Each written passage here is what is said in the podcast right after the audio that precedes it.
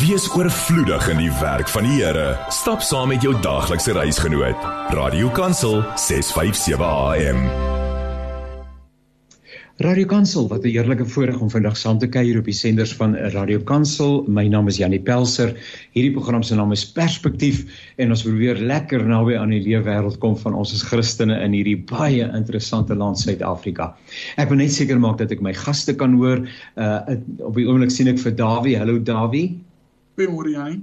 Pragtig. Ek sien vir jou en hoor vir jou en Gert, goeiemôre. Goeiemôre Janie en goeiemôre Dawie. Dis lekker om weer te sien baie baie dankbaar dat ons mekaar kan hoor. Prof Janie Resou uh seker iewers bietjie vasgevang en ek vermoed dat hy nou-nou by ons gaan aansluit. Nietemin ons gaan lekker uh, saam kuier. Uh net terwyl van ons luisteraars, die programme van Radio Kansel, ook hierdie program Perspektief is as 'n potgooi beskikbaar na afloop van ons saamkuier by www.radiokansel.co.za en jy soek vir Perspektief en daar vind jy uh, dan natuurlik uh, ook die potgooi van hierdie uh uitsending. Uh eweneens ons naweek aktualiteitsprogram Naweek Aktueel wat op Sondag 1 uur uitgesaai word. Dit kan jy ook by Naweek Aktueel by die potgoeie gaan soek en ook luister na die interessante gesprekke wat ons daar uh, met mekaar het. Baie baie dankie ook aan Paul wat vir ons die tegniese versorging van hierdie program behartig. Ons is uh, voluit dankbaar uh, daarvoor. Nou ja, Suid-Afrika land van verrassings, nê? Nee? Vele uitdagings, land van wonderlike geleenthede en uh Suid-Afrika ons konteks en ons roeping en ons groot groot liefde. En ons gesels oor sake wat natuurlik die lewens van burgers van hierdie land raak. Kom ek hoor maar net eers 'n bietjie by eh, Gert, eh, Gert so ietsie rondom jouself, jou eie konteks, jou besig wees uh in hierdie dae. Uh vertrou dat uh, jy was onlangs bietjie met verlof, maar jy het seker lankal daarvan vergeet. Ja nee wat ja nee. so na 2 dae was dit al lankal vergeet, jy weet. So ons sit nou maar die stryd voort, jy weet. Dit is so besig, jy kan bly wees ek het onthou dis vandag Woensdag. Ek Soms so, weet ek nie watter dag van die week dit is nie. ek is so dankbaar en ek het 'n idee dis dalk vir professor uh, Jannie Rousseau oorgekom het uh, en ons het vir hom probeer skakel en 'n boodskapie gelos en ek net sien of hy enige iets daarvan gelees het.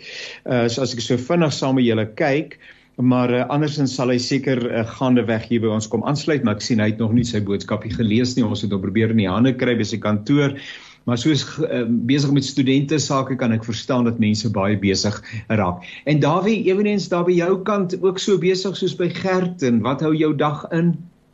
Gert maak dat ek besig bly want ek moet seker maak volg als op wat Gert en sy span skryf daar by netwerk 24 Uh, nee, maar ja, lekker so... koud hier in die Kaap, ja.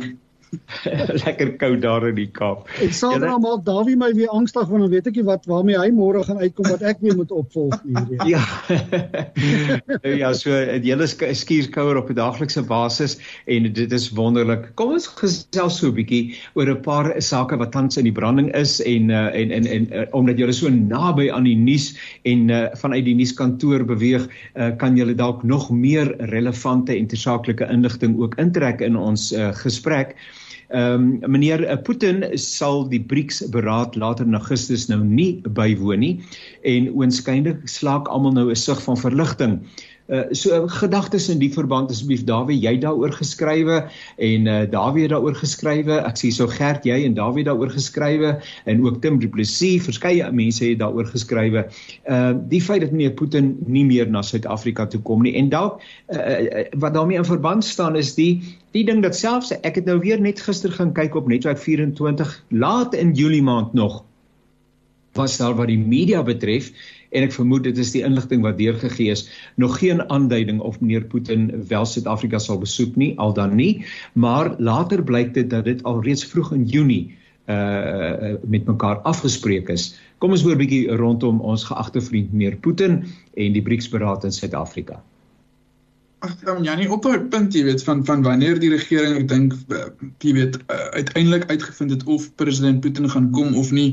Ehm um, ek sien nou ehm um, die regering en van hulle woordvoerders probeer maak asof veral eintlik in Junie al geweet het dat president Putin nie gaan kom nie, maar as jy mooi gaan kyk, jy weet uit jong president Paul Mashatile het 2 weke terug nog vir Albert Leefenbe vertel dat hulle nog besig was om te onderhandel. So ehm um, ek ek vir 'n feit glo ek dat president Ramaphosa met sy besoek vir die Afrika Vredesberaad in Junie, jy weet dit geopper het aan president Putin. Ehm um, my bronne in die presidentskap het ook destyds so aan my beweer, maar ek dink nie dit was toe al afgehandel nie. Ehm um, en ek dink ehm um, president Ramaphosa het ehm um, hy slaak is lig van is lig van is lig van, van verligting, maar ook tot sy krediet het hy baie goed onderhandel met die ander leiers van die BRICS lande ehm um, dat daar konsensus bereik is om vir president Putin uiteindelik, jy weet, nie hierdie Saterdag verby is nie, maar die vorige Saterdag te kon bel en te sê al die BRICS leiers dink dis vir die beste opsie dat jy nie ehm um, in Augustus die BRICS beraad bywoon nie. En ek dink met daardie konsensus kon president Putin uiteindelik oortuig word. Ja, uh, uh, Jannie, ons het die oggend van die aankondiging toe die ANC 'n perskonferensie gehou by die BRICS beraad waar die adjunk uh, sekretaris-generaal Nomvula Mokonyane gesê het hulle weet nog nie of Putin gaan kom nie. Het ons almal stories geskryf. Dit was kaars klaar hier kom. Hier kom ja. die aankondiging toe. Ons maar sê los daai storie, dis nou iets anders. Jy weet ja, nee, ek dink ook dit is beter vir ons dat hy nie kom nie. Dawie het geskryf China het uh, was op uh, uh, was een van die lande wat dit voorgestaan het dat hy nie kom nie. Ek het dit ook gehoor, ek kon dit net nie by meer as een bron bevestig nie. Die ding is net jy weet die ander lande wil ook nie die BRICS beraad met 'n sirkus ontaard nie, want as Putin sou gekom het, sou dit 'n totale sirkus gewees het. 'n Media sirkus, ek dink hulle sou ons mal gemaak het fotos van Putin. Almal sou op Putin gekonsentreer het. Hulle wil hê daar moet meer aandag gegee word aan die beraad self, aan die probleme wat hulle dink hulle kan oplos en wat hulle moet oplos en hulle wil 'n bietjie aandag gee miskien aan ekstra lede wat gaan bykom en hulle wil ook kyk hoe hulle Afrika kan help met ontwikkeling. So ek dink vir die beraad self, vir Suid-Afrika self is dit baie beter dat hy nie kom nie. Ek stem heeltemal saam met Gert Janie en ek ek dink om 'n lelike Engelse woord te gebruik dit sou 'n absolute sideshow geword het. Ja. En ehm um, en dit sou vir Suid-Afrika ook in 'n onuithoudbare posisie geplaas het wat betref die lasbrief wat uitgereik is deur die internasionale strafhof. Ehm um, en ons sou 'n lelike situasie gesit het waar ons land gedwing sou word om op te tree teen president Putin en ek dink nie dit is iets wat hierdie regering wil doen. Um tweeledig nie, jy weet eerstens omdat ons belange het by Rusland, jy weet, maar ook maar tweedens soos Ram president Ramaphosa in sy eersverklaring uitgewys het voor die hof met daai aansek wat die DEA gebring het. Um dit kon moontlike gevare vir die land inhou. Um ek dink nie Rusland sou te gelukkig gewees het as ons president Putin hier op tuisbodem probeer arresteer het nie. So is so in 'n retrospek is dit eintlik half onredelik om te verwag van 'n gasheerland om iemand met so 'n hoë profiel inderdaad in hegtenis te neem.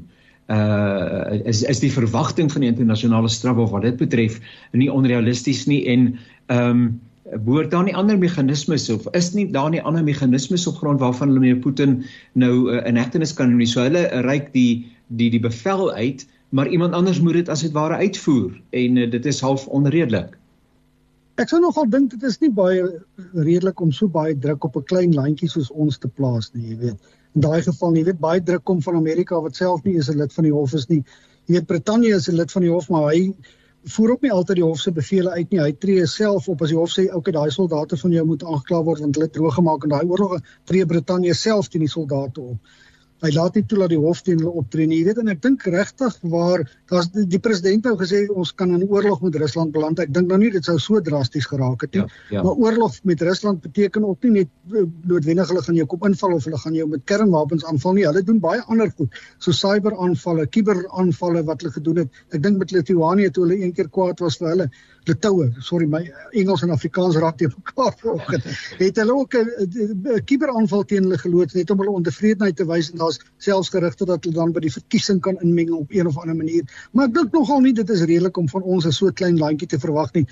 Jy weet want ons wil ook nou 'n rol in Afrika speel. Baie Afrika lande is nou vir Putin. Nou gaan ons weer vir Afrika op kwaad maak. So ons was in 'n situasie waar hy eenvoudig net nie kon wen nie as sou hy gekom het klink vir my of dit tog wel vir ons voordelig is uh nie alleen om deel te wees van die BRICS lande nie uh ook as mense dan dink dat die ander van die ander lande so China en dis meer uh groot rolspelers is. Ehm um, maar dat ons dit ook kan fasiliteer hierdie jaar uh daar is al reeds bepaalde vergaderings wat byeen be geroep was en wat besig is om plaas te vind op plaas gevind het. Ek dink aan die politieke leiers byvoorbeeld. Ek dink op die oomblik is daar ander personeel wat bymekaar is en later dan ook hierdie byeenkomste ehm um, dat dit ook 'n kompliment is vir Suid-Afrika om dit dan te kan fasiliteer en aan te bied. Absoluut. Ehm um, en en ek dink mense moet nie dit miskyk nie, ehm um, Janie. Ehm um, China is die land wat ek dink uh, weens of my volgens amptelike syfers vandag nog jy weet die grootste bevolking het en as jy vat Indië 'n sterk pad ek, ek dink die voorspellings dat hierdie jaar gaan verbyvat maar amptelik gaan ons eers in 2025 weet. Weet. Ehm um, en ehm um, dit is beduidend want uiteraard in sulke lande waar ons sulke groot bevolkings is, is daar geld en ehm um, as dit die twee lande is wat die twee grootste bevolkings in die wêreld het en ons het 'n jy weet 'n nabye um, ons verbondskap met hulle. Dinge kan ek net voordelig strek vir Suid-Afrika as ons daar die verhouding reg bestuur um en ook koester. Nou weet ek wil net aansluit by wat Dawie hierso sê. Ek het nou die dag oor die radio gehoor 'n studie wat sê oor 75 jaar gaan Indië die tweede grootste ekonomie in die wêreld wees na China wat hulle Amerika sal verbysteek en dat hulle al die ander Europese lande sal verbysteek die BRICS groepering bevat ook om se lande verteenwoordig ook so so wat 40% dink ek van die wêreld se bevolking as ek dit nie mis het nie. Eens Indië en China se groot bevolkings. So dit is 'n groot magblok. Dit is 'n magblok wat, wat sê wil hê in die wêreld, maar soos Dawie reg opmerk, dit moet baie goed bestuur word. Jy moet dit nie so bestuur dat jou ander belange in die slag bly nie. Weet dit's Buitelandse betrekkinge soos Kissinger gesê het, gaan nie oor vriende nie, dit gaan oor jou eie belange. En ons moet baie versigtig wees dat ons nie ons eie ekonomiese keel afsny afsny nie. Jy weet Amerika, almal hou nie van Amerika nie. Amerika doen vreemde goed. Amerika dreig ook. Amerika maak ook onwettige oorloë, maar op die oomblik is ons nogal taamlik afhanklik van Amerika, Duitsland, Brittanje, die Europese Unie, jy weet waarmee ons groot handelsbetrekkinge het. En ek sien ook dat die regering probeer nou die spel na albei kante te speel. Mense hoop maar dit slaag. Sou dit beteken dat AGOA uh, daardie handelsooreenkoms wat ons met die FSA het daarom dan nou weer uh, in uh, veilig is? Ek dink daar sou beraadslag word in die verband en uh, ensovoorts ensovoorts maar sou beteken dat ons nou nie meer daai swaard oor ons kop het nie. Ek dink die swaard um, um, hang nie meer so naby aan ons skeel nie. Uh, as ek dit so kan stel ja nie. Ehm um, Ek dink dit is dit is 'n geweldige slag of dit sou 'n geweldige slag wees as president Putin hier was terwyl daar die oorlog in Oekraïne was. En ek dink die druk van die Amerikaners sou onuithoudbaar geword het. Soos ons al gesien het met van ons senators, ek dink Chris Coons wat op die buitelandse komitee sit, ehm um, wat reeds 'n brief geskryf het, jy weet, aan president Biden gesê ons moet Suid-Afrika se lidmaatskap van AGOA, jy weet, al heroorweeg. So ek dink daai swaard word absoluut baie hoër gelig. Ehm um, ek ek ek glo die ooreenkoms sal hernu word. Ehm um, ek sien daar is reeds sprake, jy weet, om waar ons hulle vra kan is dit nie al vroeër hernu voordat die AGOA forum wat later vir jaar in November in Suid-Afrika moet plaasvind. Dat ons dit voor dit al kan hernu nie. Ehm um, So ja, ek glo dit weet daar's baie druk in daai opsig is nou verlig met hierdie aankondiging van die presidentsie en van Rusland dat president Putin nie meer kom nie. Dawie, as ek eh, en en en en Gert, ehm um, as ek hardop dink saam met julle, ek dink sommer nou aan een of twee aanverwante sake. Ehm um, en en dankie dat jy julle my ook help om julle die mense met die kennis is en vir het vir ons luisteraars is die agenda wat China byvoorbeeld het met sy betrokkeheid by lande in die wêreld met name Afrika ook Suid-Afrika, is daar soms vraagtekens oor sy agenda. Ehm um, as 'n mens maar kyk, ek kyk nou maar sommer net op sy eie omgewing hoe dat groot winkelsentrums nie kan oorleef nie. En dan trek die Chinese in met hulle winkeltjies en hulle bied produkte aan teen bekostigbare en erg kompeterende pryse en dis meer. Maar dit lyk nie asof enige winkel lank leeg staan voordat uh daarvan uit daai omgewing uh handel gedryf word nie. Ehm um, moet 'n mens ligtig wees vir hierdie hierdie ander agenda uh, wat China dalk mag hê of is dit nou weer net spooke op jag? Baie mense sal sê Dawie Dawie en Janie dat mense nie die Chinese kan vertrou nie. Baie ander mense sal sê kyk maar wat se ontwikkeling bring die Chinese na Afrika ja. toe. Dan is daar ook natuurlik die stryd tussen China en Rusland in Afrika om om invloed in Afrika te kry want vir Rusland is dit is Afrika 'n manier om sy pad terug te kry na supermoondheid status toe.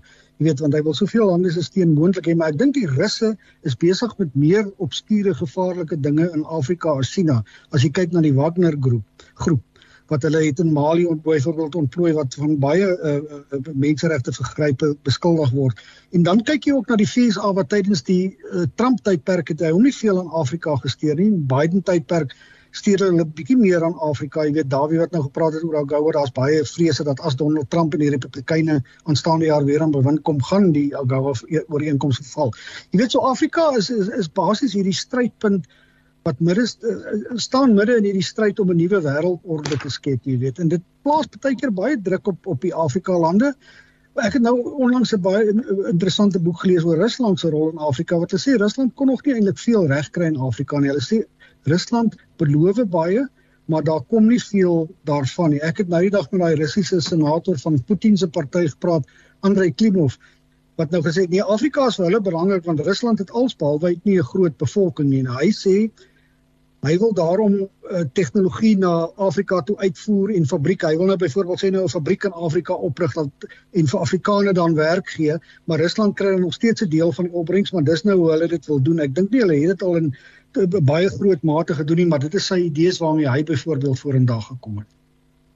Ag en Janie, mense moet ook net onthou wat, wat wat met betrekking tot China. Ehm um, ek dink en Gert, ek korrigeer my asseblief as ek dit verkeerd ophaal, maar ek dink dis China en Amerika is ons twee grootste handelsvennote mm. in en uitvoere betref. Ehm um, so selfs al selfs te probeer China invloed ehm um, jy weet uh, koop in Suid-Afrika of in ander dele van Afrika, dis moeilik om hulle mis te kyk. Jy weet dis dis een van die twee grootste ekonomieë in die wêreld, dis een van ons twee groot twee grootste handelsvennote. Ons het hulle nodig op die oomblik en ons kan nie 'n gegeewe perd in die bek kyk wat betref China nie. Ek vind dit interessant en ek weet ons is nou effens van ons van die teks af, maar dit maak nou nie saak nie. 'n uh, Interessante ding is dat ek hier by ons opgelet het dat uh, van die ehm um, winkeltjies waar 'n ou en ek stap self daarin om te kyk wat daar is en soms kry jy iets teen 'n meer kompeterende prys dat hulle uh, en taal is nou weer nie belangrik nie, maar dat hulle Afrikaans sprekende jong mense in diens neem. Uh, terwyl ek sou verwag dat die personeel uh uh Chinese sou wees of uh, en so maar maar by verskeie het ek opgeleer dat dit uh, Afrikaanse kinders as ek maar die woord jong mense is wat in diens uh, geneem word en 'n geleentheid gebied word.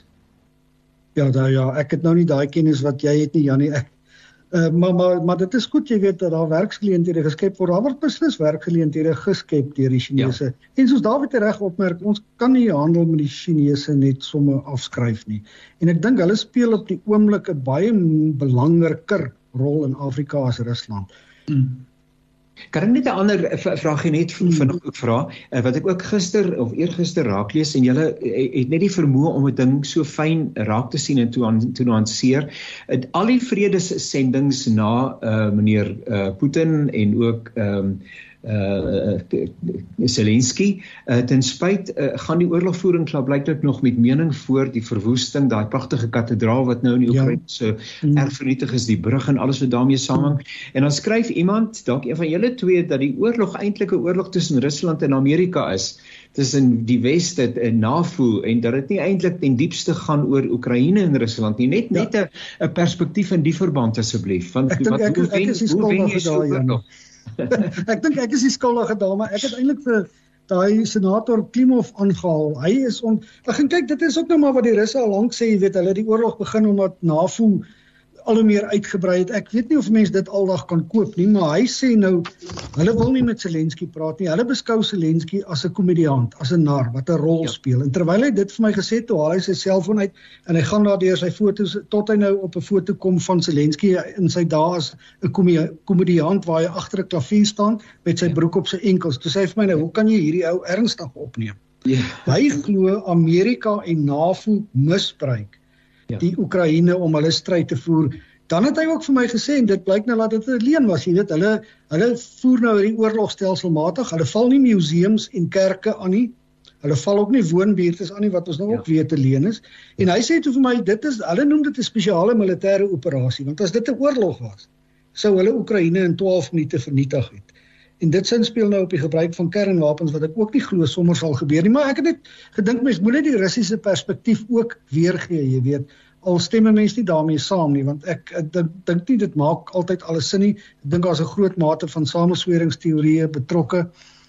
Maar maar ja, dit is dit is sy siening gewees. Om om om my my net aan te sê dat en en die Russe het van die begin af, jy weet, gesê 'n groot deel van hierdie vir vir die rede van hierdie soos hulle dit 'n spesiale 'n spesiale militêre operasie was as gevolg van die uitbreiding van NAVO en die moontlike uitbreiding van die Oekraïne, jy weet wat by wat by NAVO as lid wil aansluit en jy weet hulle grens aan Rusland. Maar terselfdertyd dink ek sal um, president Zelensky en ek dink die navolede sal sal vir ons sê dit is hulle werk om hierdie om om vir Oekraïne met hierdie oorlog by te staan om te keer dat 'n soewereine land ingeval word. Want wat gebeur nadat die Oekraïne ingeval is, dan wat is volgende, jy weet, as Rusland hmm. reggekom het met Oekraïne, watter land is volgende en waar moet dit stop? So dit sal hulle teenargument wees, dink ek. Ja, nie. Ja, dit herinner um, dit herinner en, baie aan Hitler nie, Dawie, wat destyds waar wat, wat uit die een land na die ander land ingeval het, dan sê hulle kom ons kyk waar hy stop. Absoluut, en, en ek dink hy stop nie. En ek dink die belangrike punt wat jy maak hoe gerd is, jy weet hulle in die openbaar vertel hulle vir ons een ding van woonbuurte hmm. word nie aangeval nie, van hmm. kerke sal nie geteken word nie, van skole sal nie geteken word nie. Hmm maar die realiteit um, spreek 'n uh, ander ander waarheid. Jy weet nou die dag toe die vinne hier was, toe praat praat ons met die vinne, jy weet, wat hulle het op by NAVO aangesluit die jaar. Toe sê hulle maar kyk, hulle is 'n baie klein landjie wat langs Rusland lê, hierdie groot buurman. Hulle sê hulle kan nog steeds nie vergeet hoe Rusland hulle in 1939 ingeval het nie. Ja. En groot dele van hulle land gesteel het basies nie. Ja. Toe sê die persoon met wie ons gepraat het, toe sê hy, jy weet, Niemand het hulle destyds gehelp. Niemand. Ja. Hy sê en dis hoekom hulle nou die Oekraïne help. Hy sê want hulle dink net die hele tyd aan 1939 en hoe niemand hulle gehelp het nie. En hulle sê hulle voel vreeslik onveilig as hulle 'n buurman van Rusland is sonder die beske ekstra beskerming van NAVO. Dis interessant nie dat politieke geheue lyk like dit vir my is baie baie lank. Jy vergeet nie maklik nie en jy vergewe ook nie maklik nie. Maar kom ons luister gou-gou uh, na Elmarie Chur en sy sing vir ons die lied Jy's genoeg. Moenie weggaan nie asseblief Dawie en Gert. Uh, ons kuier nou weer verder saam met mekaar. Dit is meer as net radio. Dis 'n manier van lewe. Dis 657 AM. 657 AM. Radio Kansel jou daglikse reisgenoot en jy luister na die programme van Radio Kansel soos jy reeds gehoor het. Perspektief is die naam van hierdie program en uh, ons het geluister na jy's genoeg van Elmarie eh, Elmi Elmi Chur, amper sê Elmarie Elmi Chur, né? Nee? Interessante van uh, Elmi Chur, baie dankie vir daai mooi lied, jy's genoeg. En ehm um, uh professor uh, Janie Rousseau sit seker nog by 'n student vas. Ons het nog nie vir hom uh, weer raak gesien nie. Maar ehm um, ek het nou sommer hier aan die begin uh, lyk dit vir my vir uh kollega Dawie en Gert uh, en hulle deelname as van selfsprekend aanvaar en nie eers behoorlik aan julle voorgestel nie. Hulle is ook aan die ander kant al reeds goed bekend by u beide van hulle by Netwerk 24 en uh, natuurlik uh, met politieke uh, verslaggewers en uh, mense wat met die oor op die grond loop, weet wat in die wandelgange gebeur en uh, ek is so dankbaar vir hulle beskikbaarheid vandag sodat ons kan saamgesels oor uh, die dinge wat ons leefwêreld raak. Nou uh, professor Jannie in sy afwesigheid het 'n uh, in die hele on, onlangse verlede het hy 'n artikel geskrywe uh, waarin hy die ongemak wat baie mense in Suid-Afrika met meneer Ramaphosa het verwoord. Ehm um, daar's ook sekerlik mense wat anders voel en hy het 'n aantal dinge daarin voorgestel soos dienslewering en elektrisiteitskrisis en dis meer wat bedringend aandag moet geniet as meneer Ramaphosa hoegenaamd uh so 'n bietjie ehm um, sy uh profiel wil opbou by wyse van spreuke. Um, maar het hierdie geleentheid nou uh, Dawie en ehm um, Gert, het hierdie geleentheid nou meneer Putin dalk nou juis as 'n stuk want net hier aan die ander kant wink die 2024 verkiesing natuurlik die nasionale verkiesing. En soveel van die goeters wat nou gebeur uh word sekerlik deur uh, politieke partye en die mense wat met hulle geassosieer is geïnterpreteer as 'n verlies met die oog op die komende verkiesing of hier is 'n winspunt iets waarop ek kan kapitaliseer en wat ek nog 'n bietjie verder op 'n opportunistiese wyse kan uitbou sodat ek punte kan versamel. Uh so uh, het meneer Ramaphosa bietjie veld gewen deur hierdie uh, wat sommige beskryf as 'n slim um, stukkie stadkundige spel alhoewel Tim Du Plessis aan die ander kant sê meneer Putin was nooit ag Tim uh, um, wat is Tim so van nou uh Plessis Ja, ek sê meneer Putin was waarskynlik nooit van plan om te kom nie in elk geval nie. So wat dink jy wat sê julle? Ek dink tog as ja, hy kyk dit gaan mos maar oor hoe elke uh, leier sy oorwinning spin en uit watter hmm. perspektief jy dit uitsien. Maar ek dink jy weet terwyl um, ons sal nooit die, die hele waarheid weet en nooit weet wat 100% in daai persoonlike gesprekke met mekaar gesê is nie. En ek dink alhoewel president Ramaphosa um, se spindokters ons sal dalk wil laat glo dat hy beslis jy weet alleen hier uh, put hierdie situasie met Putin bedinge dat Putin nie kom nie. Dink ek daar was 'n groot rol van af die ander leiers, maar ek dink daar moet die president Ramaphosa ook krediet kry dat hy die ander um, BRICS-lande se leiers kon oortuig um, om om konsensus te bereik oor hierdie kwessie. Ehm um, en terselfdertyd ehm um, ek dink as as as president Ramaphosa se regering kan verseker dat die AGOA ooreenkoms behoue bly in aanloop tot volgende jaar se algemene verkiesing is dit twee goeie diplomatieke uitslae vir hom na 'n jaar wat op die diplomatieke front ehm um, baie onstuimig begin het en baie sleg gelyk het op 'n tyd. Maar ehm um, dan hang daar nog daardie swaard van die Lady R verslag van daai vragskip wat in Desember in Simonstad ehm um, hierso hierso was daai verslag daaroor hang nog soos 'n soos 'n swaard president Ramaphosa en sy regering se kop. Ek stem nogal saam met Dawie, weet ek dink dit is ehm um, dit is baie goeie werk deur hom gewees. Ek dink mense vergeet baie keer dat die regering soms ook goeie dinge doen. Mense onthou net dink net aan die slegte goed en sê o nee, my regering is useless, hulle kan niks goeds doen nie. Maar soms is daar tog dinge wat hulle goed kan doen. Die Lady R is nou wel 'n probleem want hulle het gesê die verslag gaan nie bekend gemaak word nie. Ek dink dat dit is in die openbare belang dat dit wel bekend gemaak word. Die Amerikaanse ambassadeur het sekere uitlatings daaroor gemaak. As hy nonsens gepraat het, sal dit nou in die lig gebring word. So ek dink dit is goed dat hulle ten minste kyk daar is sekere goed wat met landsveiligheid verband kan hou, maar jy kan dit tog uithaal uit die verslag en ek dink die DA en ander politieke partye gaan hulle weer tot die hof wend om te sorg dat die uh, dat uh, ons weet wat in die verslag staan, want baie van die goed met die Putin uh, geval het is ontbloot nadat die DA hof toe gegaan het. Jy weet tot op die laaste Vrydag raak nog nuwe verklaringe aan die lig gekom. Dis jammer dat ons ons politiek heeltyd in die howe moet bedryf. Maar jy weet dit is omdat die regering mense vertrou nie meer die regering nie. Hulle glo die regering doen goed daar in donker hoekies wat hulle nie moet doen nie. Ehm um, so ons gaan met dit sit vir vir 'n tydjie, maar ek dink tog wat Dawie sê is reg. Jy weet ek dink tog dit was goeie ehm um, diplomatieke werk deur die president gewees. Ek wou dit ook sê uh, Dawie, uh, dit voel so asof uh, ander politieke partye, met name die DA, eintlik net die hele tyd op die agtervoete is en kyk waar se geleentheid dat hulle hulle self op die hof kan beroep en iemand anders se verleentheid kan uitbuit in 'n sekere sin ehm um, vir hulle eie voordeel. Terwyl 'n ou dalk sou kon verwag en dalk is daar ehm um, dat daar veel meer proaktiewe uh vars dinamiek na vore tree en sê maar hier hier kom ons met oplossings en op daai manier probeer om vir jouself 'n uh, bietjie veld te wen. En sê dit daarvoor om altyd ander mense se se teleurstelling of ander mense se verleentheid uit te byt. Ag ja, nee, ek dink dit is maar deel van die dier wat oppositie politiek is, jy weet. Ehm um, jy jy jy gaan moeilik kry dat die EFF wat op die oomblik in verskeie plaaslike regeringskoalisies saam met die ANC is. Jy gaan moeilik kry die EFF iets goeds van die ANC sê. Ehm um, in dieselfde tyd gaan jy moeilik kry die ANC in die Weskaap iets goeds van die DA sê. Ehm um, daarby gesê, jy weet, ehm um, uiteraard sal die DA, jy weet, op op van hierdie goed, jy weet, wil min slaan, maar 'n mens moet hulle ook krediet gee vir die feit dat hulle die regering ehm um, in 'n hoek probeer dwing het. Ek dink met die met met met die met die Putin kwessie en met Putin se moontlike bywoning van van die BRICS-beraad wat uiteraard nou ehm um, nie meer gaan plaasvind nie, maar ek dink dit was goed dat ten minste een party die regering ehm um, jy weet regstegnies in 'n hoek daar probeer druk het en gesê het hoorie as julle nie gaan optree nie gaan ons julle dwing om om volgens die grondwet op te tree. En ek dink um, dit moet ook geprys word.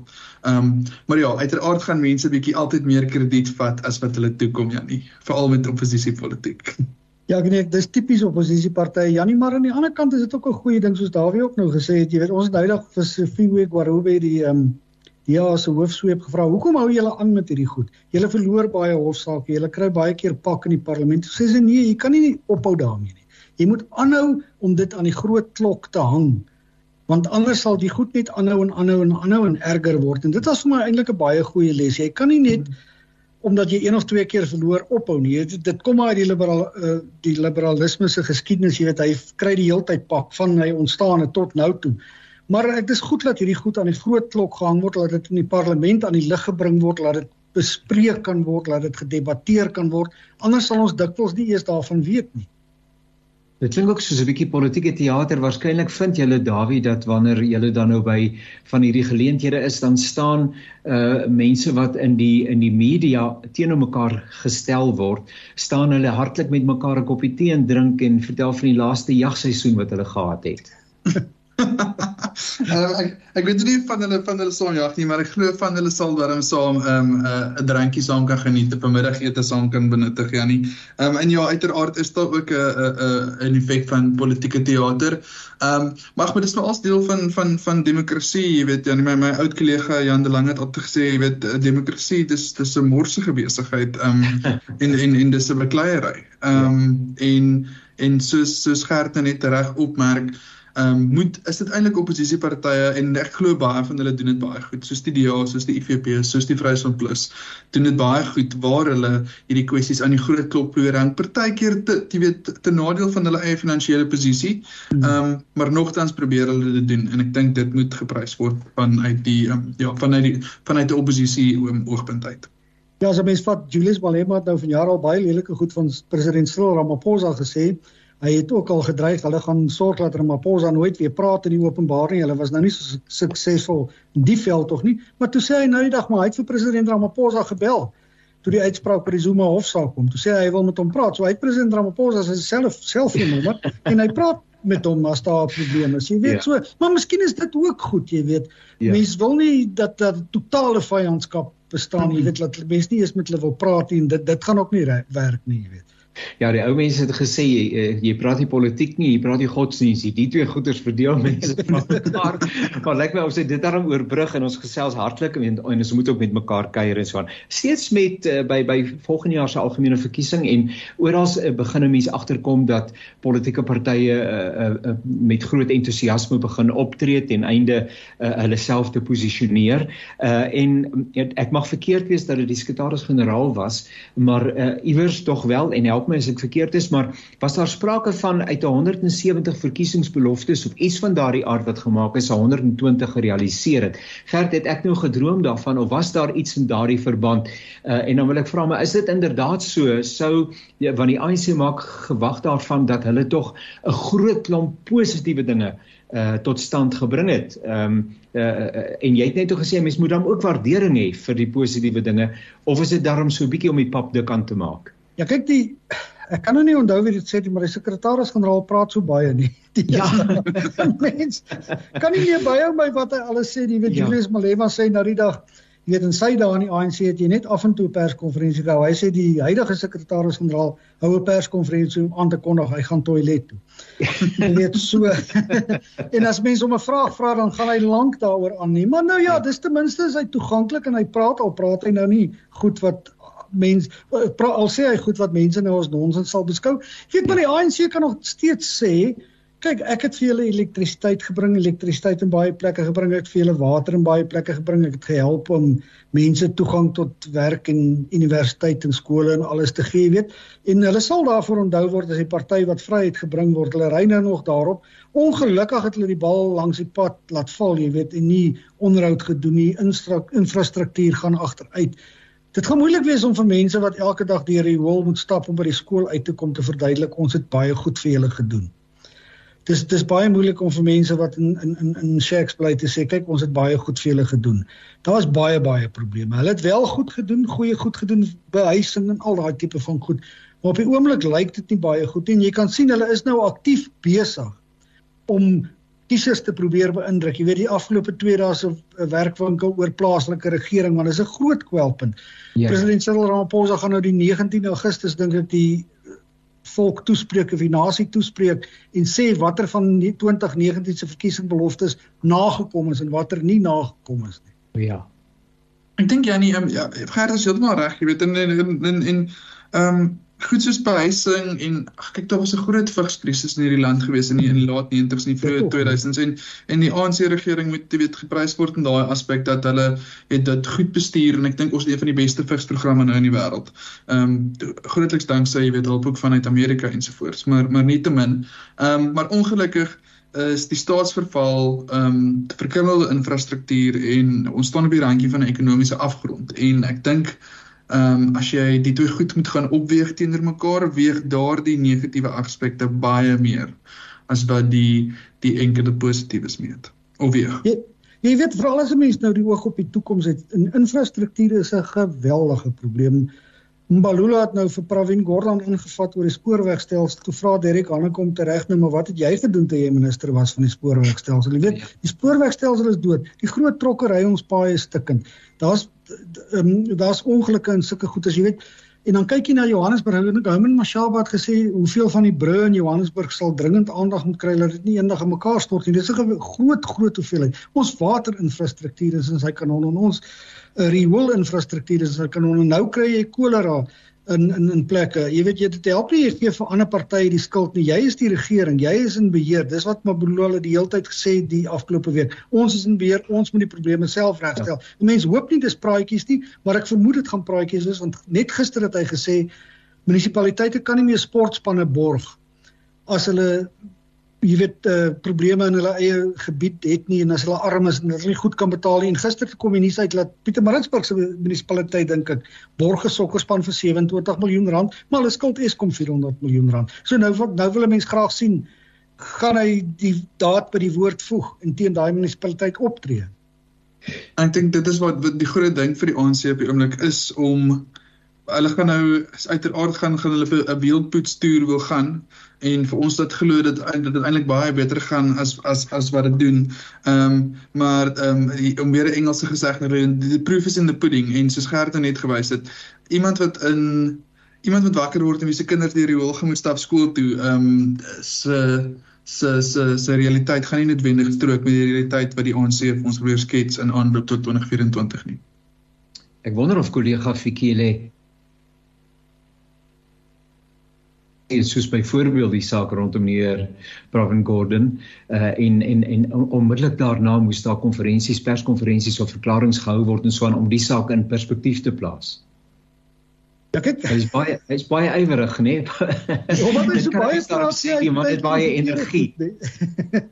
ja, ek dink omdat hy so baie praat, sit hy gereeld soos die Engels sê sy mond, sy voet in sy mond. Ja. Jy weet, so dit is dit is maar 'n probleem met hom, maar nou ja, hy Pravin Gordhan hy sê nou hy het hom nie persoonlik probeer aanval nie. Hy het hom net as 'n voorbeeld gebruik want alle ministers moet nou ja. hulle dinge in raad kry en produseer en doen wat hulle veronderstel is om te doen. Nou, nou net so oor die draad loer voordat ons voortgaan met 'n volgende uh, kort uh, uh, gedagte of twee. Uh Dawie, jy en Gert, want ek dink dis iets wat seker gereeld uh, by julle uh, uh, in oënskou geneem word is uh 2024 ehm uh, sommige die die oppositie geleedere en ook die uh, samespreking wat later in Augustus sou plaasvind met die DA en uh, die ander politieke partye slyp hulle tande vir 2024, maar is dit steeds te vroeg? Om regtig verandering wat dit betref uh, te kan sien uh, realiseer. Ja, absoluut. Ek dink dit is te vroeg om nou na, na voorspellings te maak en ek dink uh nie net vir ehm um, ehm um, luisteraars en voornemende kiesers en en lesers ehm um, is hierdie nasionale konvensie van die oppositiepartye belangrik nie, maar ook vir daardie partye se donateurs. Ehm um, ek dink baie gaan afhang van hoe suksesvol daai konvensie afloop gaan jy weet gaan, dit gaan bepaal hoeveel donateurs bereid is om te skenk vir hierdie partye om 'n daadwerklike aanslag op die ANC te loods in 2024. Ehm um, so ja, ek dink dit is gans te vroeg. Ons gaan eers moet kyk hoe hierdie konvensie afloop en ongelukkig wys die onlangse verlede dat ehm um, hierdie oppositiepartye steeds baie verneig met mekaar kan wees. Ehm um, so ja, maar kom ons kyk waar sake staan. Ek dink ten minste dis 'n stap in die regte rigting vir die vir die oppositiepartye om om 'n tafel te gaan sit en vir mekaar in die oë te kyk en te sê wat watter plan smee ons in aanloop tot volgende. Ja, dis 'n baie goeie idee dat hulle ten minste met mekaar praat. Jy weet want dit vorder nie jy's op die oomblik en baie kere dan praat jy nou met sien nou maar met iemand van party Z dan sy nie magtig. Hy's nou moeg want die kinderagtigheid van party Y en party K kry hom nou heeltemal onder en hy weet nie of hy moet aangaan met hierdie koalisie nie want dit stel jou ook in 'n slegte beeld. Dit doen jou handelsberg skare aan, jy weet. So ek hoop hulle kan die dinge uitpraat. Jy weet dit is wat Dawie sê oor die steen is baie waar want ons weet nog nie eintlik presies hoe, hoe hoeveel steen Action SA het nie. Nee, hulle het uh, 6% of wat iewers gekry in Gauteng met die munisipale verkiesing, maar hulle maak nie eintlik hond daarof in ander verkiesings munisipale tussenverkiesings sedertdien jy weet in in Houman en Mashaba doen dit eintlik baie goed want hulle hulle konsentreer op strategiese setels maar ook daar kry hulle pak jy weet. So mense mense wonder hoeveel steen hulle regtig het maar dit daar gelaat jy weet die IFP doen goed. En dit is goed dat hulle praat. Dit dit, dit is goed uh, da, wat Dawie nou sê jy weet ons kan nie net almal in ons eie rigting inneek nie want wat die land nodig het al verloor die ANC nie volgende jaar ons het 'n baie sterker oppositie nodig. Dan sal ons minder hofsaake en goed hê as die parlement so gebalanseerd is dat die ANC nie die heeltyd kan doen wat hy wil. Sedertdien is die 8 persone wat betrek word by die ehm um, beweerde misdaad en uh gebeure uh, op die N1 snelweg. Uh, die blou ligbende is in hegtenis geneem die verhoor het begin borg aansoeke en dis meer uh, dientans en dis meer. Uh, gedagtes van julle kant af hier rondom. Aanvanklik het dit gelyk asof daar nie baie energie was om hierdie mense tot verantwoording te roep uh, nie. Uh, nou uh, en en toe word daar groot gewag gemaak daarvan dat hulle word vandag in hegtenis geneem en dat hulle self uiteindelik gaan oorgee uh, dink ek wat 'n wyse stap was. En ehm um, uh, ehm um, is daar ook 'n agenda hier om maar so 'n bietjie eh, te sê maar kyk ons maak moeite met misdadigers en met oortreders en ons vervolg inderdaad wanneer vervolging moet plaasvind. Ehm um, sommer net gedagte Dawie van jou kant af en en, en ook van Gert af rondom die uh, amper miskien die boksomwende. ja ja nee ek dink ag dit is jammer as dat dit op openbare verontwaardiging moet verg vir die regering om daadwerklik op te tree teen teen teenoor mense in hulle eie geleedere. Ehm um, maar wat nou gister in die hofsaak uitgekom was dit eergister in die hofsaak of in die eerste hofverskyning uitgekom het wat ek dink nog as 'n kat in die hoenderhok gooi was die getuienis van een van van een van hierdie brigade dat ehm um, adjunk president Paul Mashatile jy weet in die motor was terwyl hierdie aanrandings plaasgevind het. Ehm um, dit dit dit lyk nie goed ehm um, as 'n uh, adjunk president in 'n motor agter sit terwyl lede van sy brigade iemand langs hom aanrand en dan jy weet 3 weke later het hy nog nie regtig 'n woord daaroor gerep nie eens wil nie hy self nie. Sy sy uit verklaringe uitgereik maar hy self het nog niks gesê nie. Ja, jy reflekteer dit reflekteer inderdaad nie baie goed op Paul Mashatile nie en veral nie omdat hy deesdae so in die moeilikheid is met talle ander beweringe wat oor hom gemaak word en dan hoor 'n mens daar's dalk nog erger beweringe wat blootgelê gaan word. Die ANC probeer hom nou beskerm. Ek sien daar's 'n WhatsApp groep wat wat nou gestig is om hom ja. om hulle soort van om hom saam te trek. Jy weet maar hy praat nie eintlik in die openbaar daaroor nie wat mense sou verwag van hom, maar die gereg moet nou seker sy loop neem, maar dis goed dat dat die gereg sy loop neem. Weet om nou weer ons geliefde sekretaris-generaal aan te haal. Hy het gister gesê, jy weet, polisie kan nie toegelaat word om rond te ry en stil te hou en mense te vermoor nie. Ons is nie 'n piesanger republiek nie. So die mense moet reg staan vir wat hulle gedoen het. Hy het gesê hulle is op bly hulle is in hegtenis geneem en dit is goed so. Maar dit gaan ook, jy weet, dit gaan ook in die ANC begin tel hierdie tipe van goed want later gaan mense sê kyk wat doen die ANC. Kyk wat doen die regering. Die ding nou dat die manne gemasker is is ook bietjie problematies want dit poort dan nou vir alle beskuldigdes uh in beskuldigde banke te geld. Uh en uh, dit is 'n stuk voorkeurbehandeling. Uh feit van die saak is ehm um, 'n mens kan iets van die retoriek te agter verstaan, eh, maar maar eh, dit dit dit sit nie lekker nie, nê, as 'n mens dink aan ander mense wat doodgewoon maar net in die openbaar vertoon word. Absoluut nie, Janie, en ehm um, jy weet hierdie is mense wat ehm um, salarisse trek van belastingbetalers af. Ehm um, dink ek moet moet nie moet nie vergeet word nie. Ehm um, dis nie net die amptdraers nie, maar hierdie mense is ook deel van die polisie wat ook belastingbetalers geld verdien. Wat my net pla ook met hierdie, jy weet, in die hele voorval daar's 'n sekere aura van onaantastbaarheid ja. wat om hierdie mense is. Hulle dink hulle is onaantastbaar en dit is 'n verkeerde gedagte rigting die die bloulig bende Dawie ek kan nie so terug lank terug onthou nie. Miskien uh, nie dat julle nou ouer ek bedoel ek sê oudste tussen julle klomp maar ek bedoel net dat uh, in terme van die media julle dalk meer inligting het. Is dit is dit iets wat met demokratisering gekom het? Of het ons al in die vorige bedeling uh, mense gehad wat sulke mense vervaard met uh, blouligte rondjag en daarom nou ek bedoel jy moet dan buitengewoon belangrik wees om agt mense te om om jou van jou huis af uh of van waar ook af na jou huis toe te neem van uh, waar ook af na jou huis toe te neem. Uh uh ek verwonder my baie keer aan die goeters en dan sê die mense ja, maar kolonialisme en al die goeters, maar dit klink vir my so kolonialisties ek sal ek sal hom nou Gertie moet oorgooi um, wat, wat betref die die die vorige regime um, ek sal ek sal hom eie on, onervarenheid weggee. Ehm um, maar maar wat betref die blou um, blou lig brigade ons spandeer 'n astronomiese bedrag elke ja. jaar aan hierdie beskermingspersoneel van van van ehm um, politieke amptenare en dit is heeltemal heeltemal heeltemal te veel as jy dit meet teenoor wat spandeer word op die doodgewone polisie wat daar is om vir ons te moet beskerm.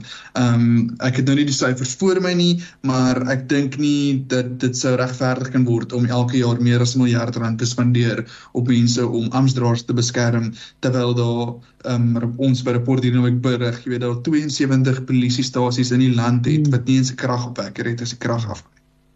Nee, dis verstommend, jy weet, ek stem heeltemal saam met jou. Ek sien dis daarom nie net tot Suid-Afrika beperk nie want dit Riek de Sant is nie nou in 'n ongeluk beland met sy ja. blou lig brigade in Amerika nie. Ek kan ook nie onthou van die vorige bedeling nie Dawie, maar dit lyk net asof asof hoe meer leiwagte jy deesdae dis dit hoe, hoe groter is jou status dit is asof dit 'n status simbool geword het van daai burgemeester van Pretoria wat vir 2 dae in bewind was voordat rapporte ontmasker het wat toe blykbaar bedrog en goed gepleeg het. Ek kan nou sy naam ontgaan my nou. Ja. Hy wou 8 leiwagte gehad het glo.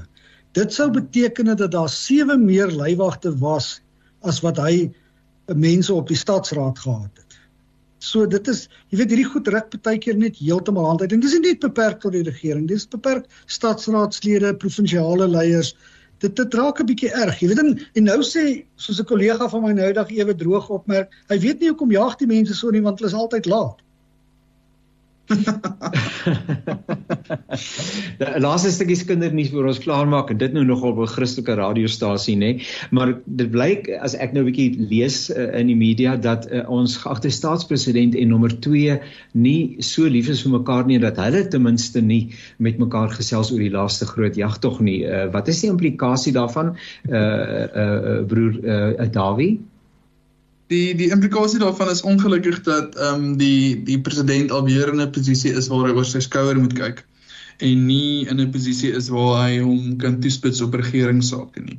Ehm um, en soos ons gesien het met ehm um, president Ramaphosa se termyn sedert wat dit nou met uh, Februarie 2018 ehm um, word baie goed op die lange baan geplaas ehm um, sodat hy eenheid in sy party kan of in sy regering kan bewerkstellig. Ehm um, ja, en dit ongelukkig hoor dit is so nie ongelukkig hoor dit andersom dat die aandag op ons jy weet op ons as belastingbetalers gevestig moet wees en nie op ehm um, die teiken op sy reg nie.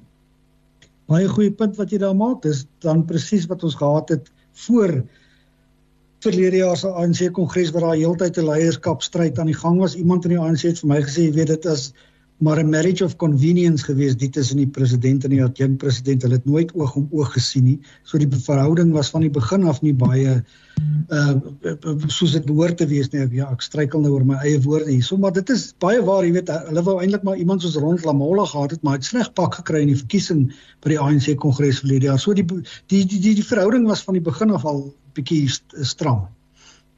Nou daarmee het ons einde gekom van hierdie lekker saamkuier rondom die dinge wat rondom ons aan die gebeur is.